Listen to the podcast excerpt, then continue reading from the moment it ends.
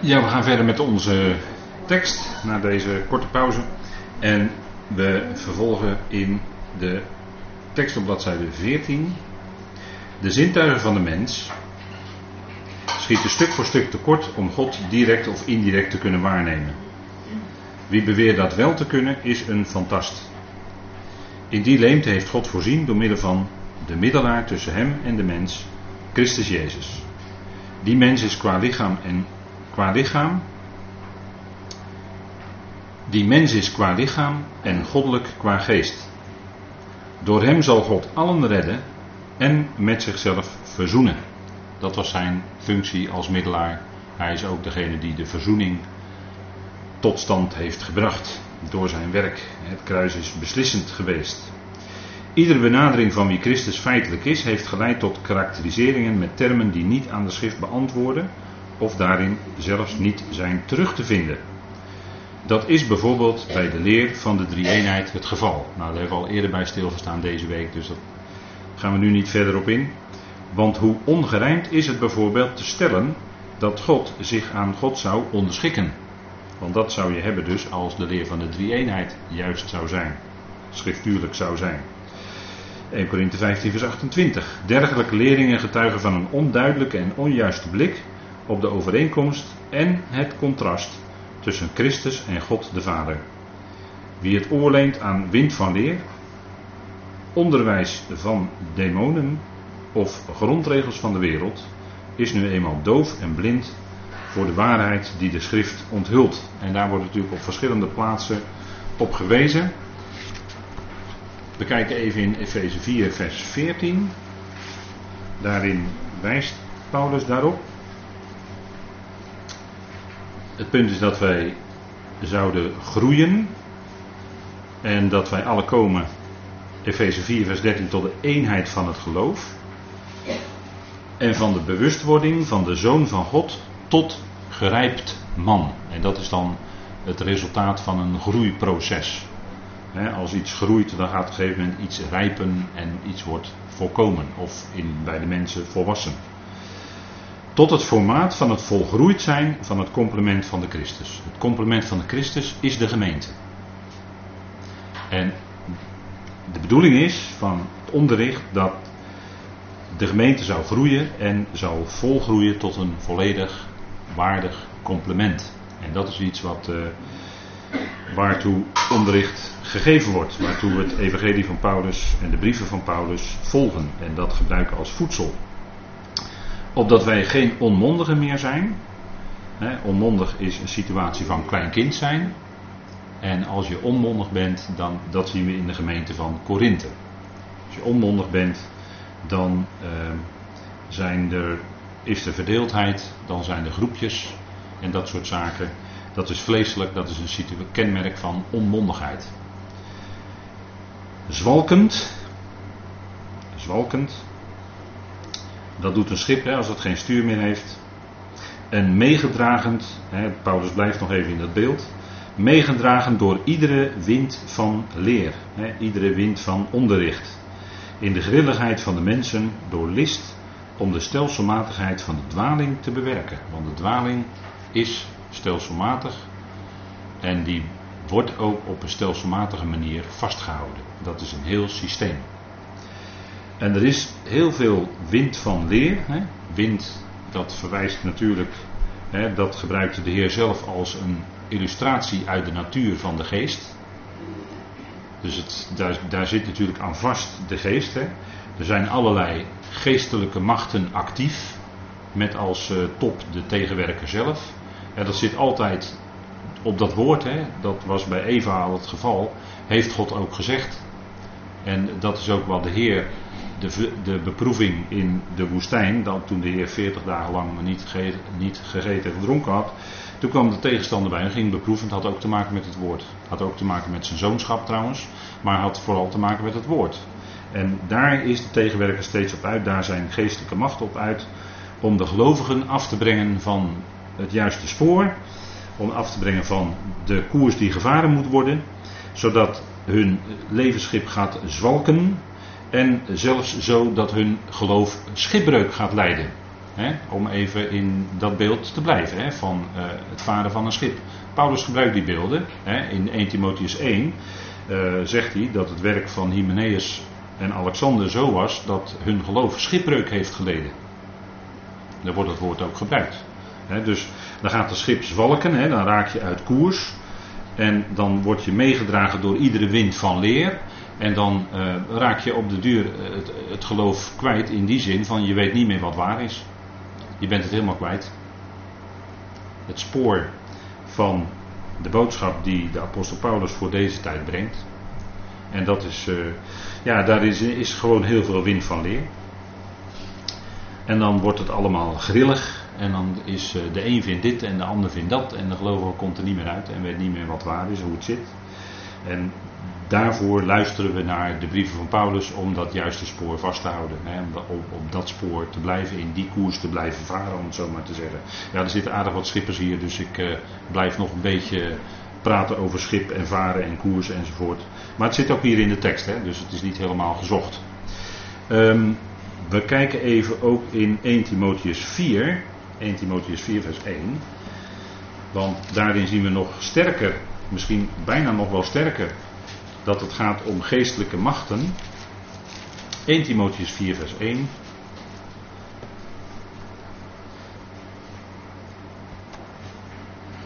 En je moet het altijd in zijn context lezen. En in vers 15 wordt gesproken, in hoofdstuk 3, vers 15 wordt gesproken over de gemeente als het huis van God. Een zuil en fundament van de waarheid. Ziet u? Een paar versen eerder gaat het over de waarheid. En dan vallen we er hierin in 1 Timotheus 4, vers 1. En daar staat. Maar de geest zegt uitdrukkelijk dat in latere tijden sommigen afvallig zullen worden van het geloof. Er staat eigenlijk letterlijk, ze zullen afstand nemen van het geloof. Ze gaan ervan afstaan.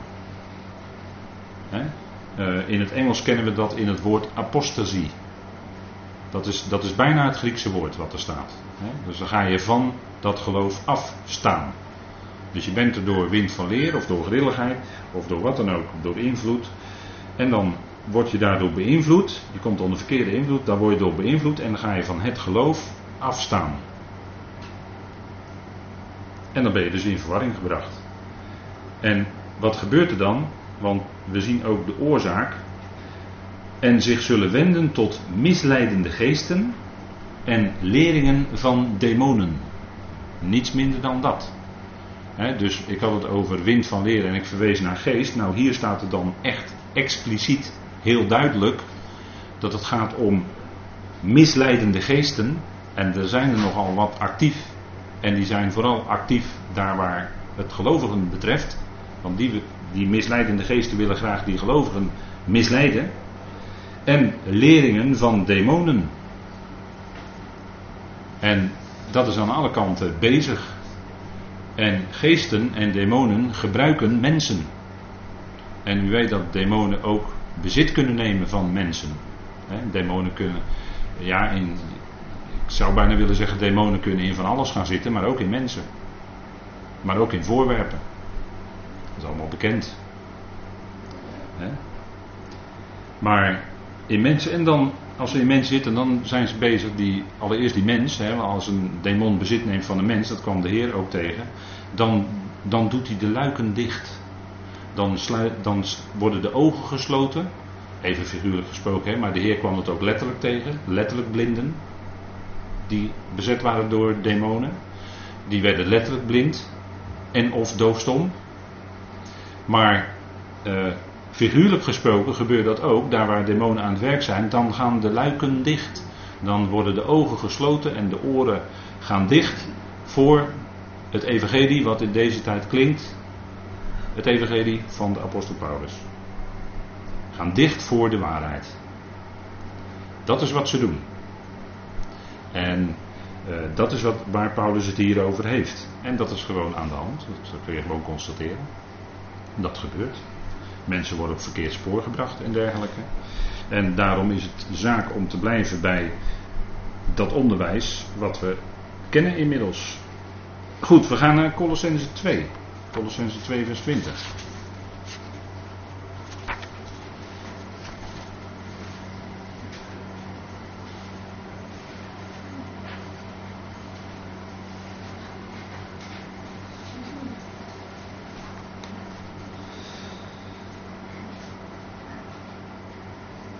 De grondregels van de wereld gaat er dan om, hè? Indien jullie dan tezamen met Christus afstierven En dan hebben we moeten vertalen aan de grondregels van de wereld. Maar er staat letterlijk van de grondregels van de wereld af. Dus dat is een beweging ervan af eigenlijk. Weg van die grondregels van de wereld.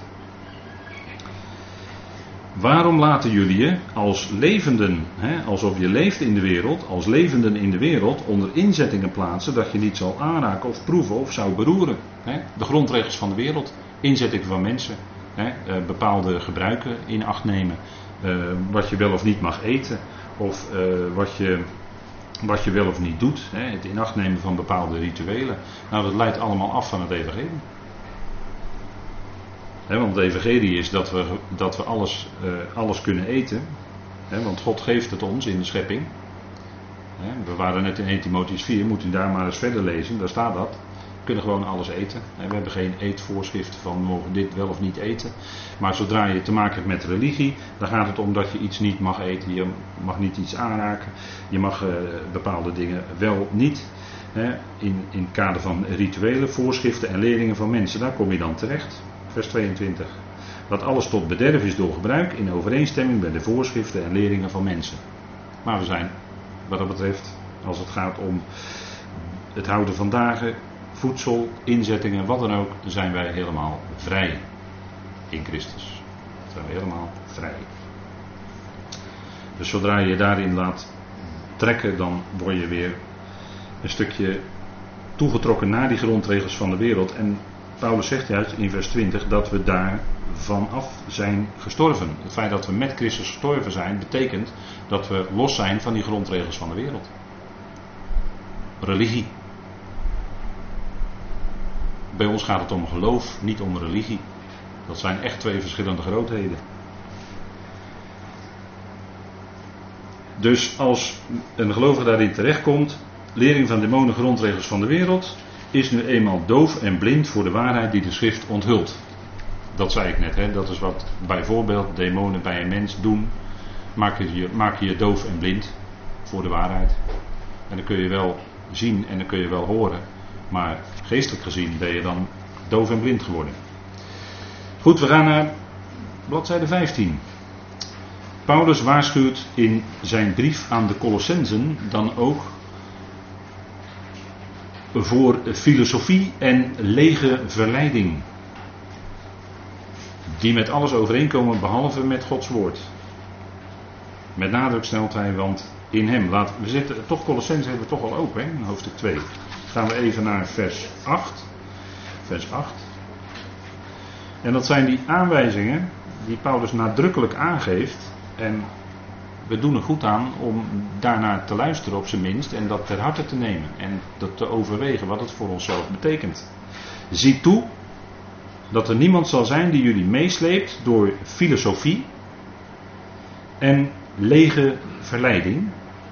In overeenstemming met de overleveringen van de mensen, in overeenstemming met de grondregels van de wereld en niet in overeenstemming met Christus. En daar hebben we weer het antwoord op alle filosofie, dat is Christus. Mensen hebben heel veel filosofietjes en filosofieën ontworpen. Menselijk denken, hè, filosofie. Menselijke wijsheid. Hè, filosofie betekent letterlijk liefhebber van wijsheid. Hè, filosofia. We zouden die wijsheid van God liefhebben en dat is in Christus. Dat is de wijsheid die wij naar ons toe hebben gekregen. Hij is het antwoord. Hij is het antwoord op alle filosofie omdat Hij het complement is van God. En dan hebben we geen filosofie nodig. We hebben Christus nodig. En in Hem is het antwoord. Hij is de waarheid. Dat zei Hij zelf. Hij is de waarheid. Hij zegt: Uw woord is de waarheid. Hij is zelf daar de, in persoon de waarheid. Hij maakte die woorden van God waar. En als zodanig is Hij het antwoord. Laat je niet meeslepen door filosofie. We zien op deze dia een afbeelding van Pythagoras een van de klassieke Griekse filosofen. En we kennen natuurlijk al, of veel van u kennen denk ik wel de stelling van Pythagoras. Maar dat is een wiskundige stelling. Maar het was ook een filosoof, hè, Pythagoras. En zo had je een heel scala natuurlijk in die tijd, hè, Socrates en uh, Epimenides en weet ik wie allemaal. Vergeet u het maar gauw weer, die namen. Want het is filosofie en Paulus zegt ervan dat is lege verleiding. Het, is, kan allemaal heel mooi lijken en interessant, maar het is leeg. Waardoor je gevuld wordt en wat vulling blijft, is Christus. Dat is blijvend. Maar filosofie en leringen van mensen, hoe prachtig ook en hoe mooi theoretisch ook allemaal gesteld. En het lijkt allemaal te kloppen, maar het is leeg. Dat, dat is wat hier staat. Lege verleiding. Dat is het. en ja, dan is Paulus natuurlijk scherp, inderdaad, hij is scherp. we, laten, we lazen net ook het woord misleiding. Nou, hier lezen we het woord verleiding. En de verleiding en misleiding op geestelijk terrein is ongelooflijk groot in deze wereld van vandaag. De cacophonie is ongekend. Dat, uh, dat woord betekent letterlijk kwaad geluid, kwade geluiden. Cacophonie. Nou, er zijn er heel wat hoor. Geluiden waar het kwaad achter zit. vandaar dat zo'n uitdrukking soms best wel eens uh, treffend is. Nou, Christus is het antwoord op alles filosofie, want hij is het complement van God. Hij maakt God bekend naar de schepselen toe. Hij maakt God zichtbaar en hoorbaar. En hij is ook het antwoord op alle religie. Want er is maar één weg waardoor wij tot God kunnen komen, en dat is Hij. Dus wij kunnen zelf geen werken doen, want dat is een religie. Wij kunnen zelf geen werken doen om bij God te komen of uh, verdiensten voor God te ontwikkelen in onszelf. Nee, Christus heeft het alles volbracht en als zodanig is Hij het antwoord op alle religie. Dus we hebben geen religie nodig, maar Christus. we hebben geen godsdienst, andere godsdiensten nodig, we hebben Hem nodig. Hij is de weg, de waarheid en het leven. dat blijft staan. Hij is het antwoord. En dat, daarom is Paulus in deze versie hier in Colossense 2 ook zo fel. Omdat het gaat om hem. Dat, dat alles wat afdoet aan wie Christus is, ja, dat is uh, schadelijk voor ons. En daarom zouden we luisteren. En als we even doorlezen in Colossense 2, vers 9. Want in hem woont het hele complement van de Godheid lichamelijk. Dat is het antwoord op filosofie. En jullie zijn compleet gemaakt in Hem. En dat is het antwoord op alle religie. Wij zijn compleet gemaakt in Hem. Hij maakt, Hij was als het ware, Hij is het ontbrekende wat nodig was om ons tot God te kunnen brengen. Als middelaar. Dat is ons jaarthema. En als zodanig is Hij het antwoord op religie. En Hij is het hoofd van iedere soevereiniteit en volmacht. Hij staat bovenaan. En daarom zouden we ons houden aan het hoofd. Dat is een uh, belangrijk principe hoor. We zouden ons houden aan het hoofd, dat ene hoofd, Christus. Hij is het hoofd van het lichaam. Dus hij is het hoofd van ons als gelovigen. En die erkenning, ja, die is nodig, hè? Dat we dat erkennen. Goed, we gaan even terug naar bladzijde 15. God de Vader heeft Christus, de eerstgeborene van heel de schepping, geschapen, omdat hij in hem het beeld, het woord, de middelaar had om zich aan de mensheid te openbaren, te laten zien wie hij was en is. God de Vader is de bron van alles. Christus is het kanaal van alles. alles is Romein 11, vers 36, prachtige tekst. Alles is uit hem en door hem en tot hem. En degene door wie God alles uitwerkt is Christus. En zo is hij het kanaal van alles. Romeinen 11 vers 36, Colossense 1 vers 16. Een kanaal dat zal uitmonden in een oceaan van alles overstijgende heerlijkheid. Als hij, nadat hij alles aan zich onderschikt zal hebben, zichzelf zal onderschikken aan de Vader, opdat God alles in alles zal zijn. Dus hij uiteindelijk aan het eind van Gods plan onderschikt ook hij zelf zich aan God, opdat God zij alles in allen. Als de zoon onderschikt hij zich aan God de Vader. En zo wordt God dan aan het eind van de eonen alles in allen. Dus het antwoord op de vragen die we hebben als het gaat om filosofie, religie of wat dan ook, Het antwoord vinden wij in Christus. En dat is wat Paulus aan alle kanten laat zien. Hè? Goed, we gaan weer even een pauze met elkaar hebben en dit keer een wat langere pauze. Gracias.